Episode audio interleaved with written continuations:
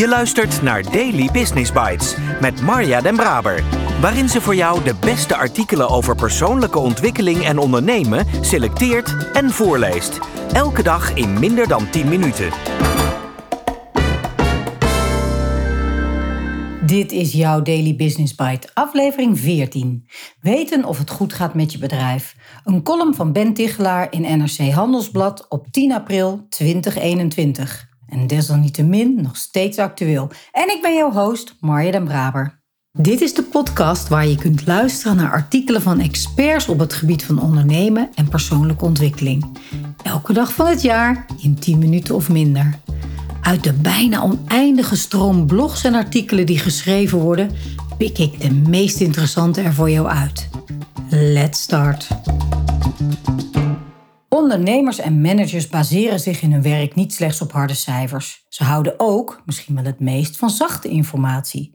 De meeste leidinggevenden liepen tot een paar jaar geleden graag een rondje door het bedrijf, maakten her en der een praatje en probeerden zo aan te voelen of alles goed ging. Met de mensen, met de klanten, met het bedrijf. Maar wat doe je nu bijna iedereen thuis werkt? Hoe voel je online aan of het goed gaat? Drie adviezen. De eerste, vertrouwen. Ook na een jaar, inmiddels al een paar jaar, online communiceren blijft het vreemd. Of je nu Zoom, WebEx of Teams gebruikt, het is onmogelijk om elkaar echt recht in de ogen aan te kijken. Wanneer iemand mij tijdens een videogesprek toch aanstaart, weet ik dat hij zijn blik niet op mij richt, maar op de camera. Een consequentie van online communiceren is dat je minder goed kunt beoordelen hoe het gaat met je collega's en met hun werk. De eerste vraag is dan: vertrouw ik de mensen met wie ik werk? Geloof ik dat ze het doel van hun werk belangrijk vinden? Weet ik dat ze over de capaciteiten beschikken om hun werk goed te doen? In een tijd waar je niet kunt vertrouwen op je persoonlijke waarnemingen en je intuïtieve indrukken, zul je meer moeten vertrouwen op de mensen om je heen. 2. Openheid. Nu je minder impliciete signalen opvangt, zul je moeten vragen om meer expliciete informatie. Dat vergt meer dan een algemene mededeling als je kunt mij altijd mailen. Een belangrijke vraag is: ga je zelf voorop? Als je bijvoorbeeld vindt dat zaken als eenzaamheid en vermoeidheid bespreekbaar moeten zijn in deze thuiswerktijd, vertel je er dan zelf ook over. Durf je het gesprek over moeilijke onderwerpen te openen? Ook belangrijk, creëer je voldoende mogelijkheid voor medewerkers om even informeel online bij je binnen te lopen.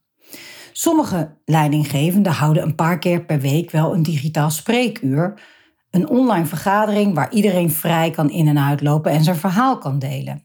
De kunst is om de drempel voor eerlijke open communicatie zo laag mogelijk te maken. 3. Frequentie.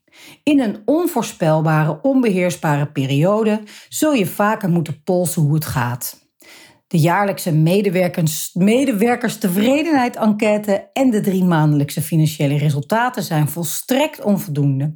Je moet eerder denken aan wekelijkse en dagelijkse peilingen. Samen de werkweek beginnen op maandagochtend. Tussendoor in één op één gesprekken kijken hoe het gaat met je collega's en met klanten. En samen met je team weer afsluiten op vrijdag.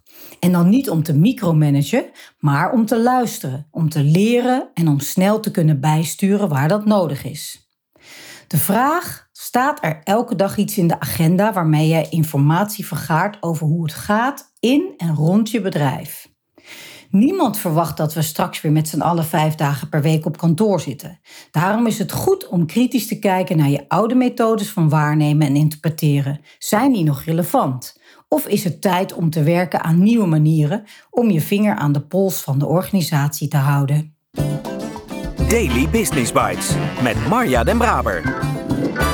Je luisterde naar Weten of het goed gaat met je bedrijf door Ben Tigelaar. Manieren om te achterhalen hoe het met je bedrijf of in je team gaat, hebben mij altijd geïnteresseerd. Bij apen noemen ze dat vlooientijd. Apen schijnen 20% van hun wakkere tijd te besteden aan elkaar vlooien. En dat heeft een bedoeling. Want op deze manier hebben ze de mogelijkheid om hun positie in de groep te eiken. Wie krijgt er een ziek van mijn gedrag? Bij wie kan ik een potje breken? Met wie heb ik nog beter contact te maken? En ook bijvoorbeeld wie helpt mij als er iets gebeurt of als ik iets nodig heb. Als je te weinig vlooientijd hebt of in een totaal andere context zoals online, dan verlies je het contact met de groep. En als je het contact met de groep verliest, dan krijg je niets voor elkaar. Maar vlooientijd is vandaag de dag wellicht nog steeds niet zo vaak mogelijk als jij zou willen. Mensen zijn gewend geraakt aan het thuiswerken en willen niet meer elke dag naar kantoor.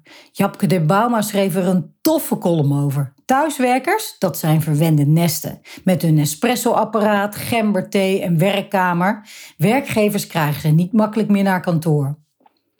En de online free Mibo en af en toe een bingo is toch iets te mager. Op zoek dus naar creatieve manieren om elke keer een wekelijks overleg, of het nu online is of niet, op een andere manier te openen die ruimte laat voor openheid en eerlijkheid wat er speelt, zal meer vruchten afwerpen. Zelf heb ik in de coronatijd een andere overtuiging aangenomen. Van direct vanaf het begin. Ik maakte er echt een sport van. Hoe kan ik het online beter maken dan live? En dat hielp. Ik spreek je morgen. Dit was Daily Business Bites. Wil je vaker voorgelezen worden? Abonneer je dan op de podcast in je favoriete podcast-app. Meer weten? Klik op de links in de show notes.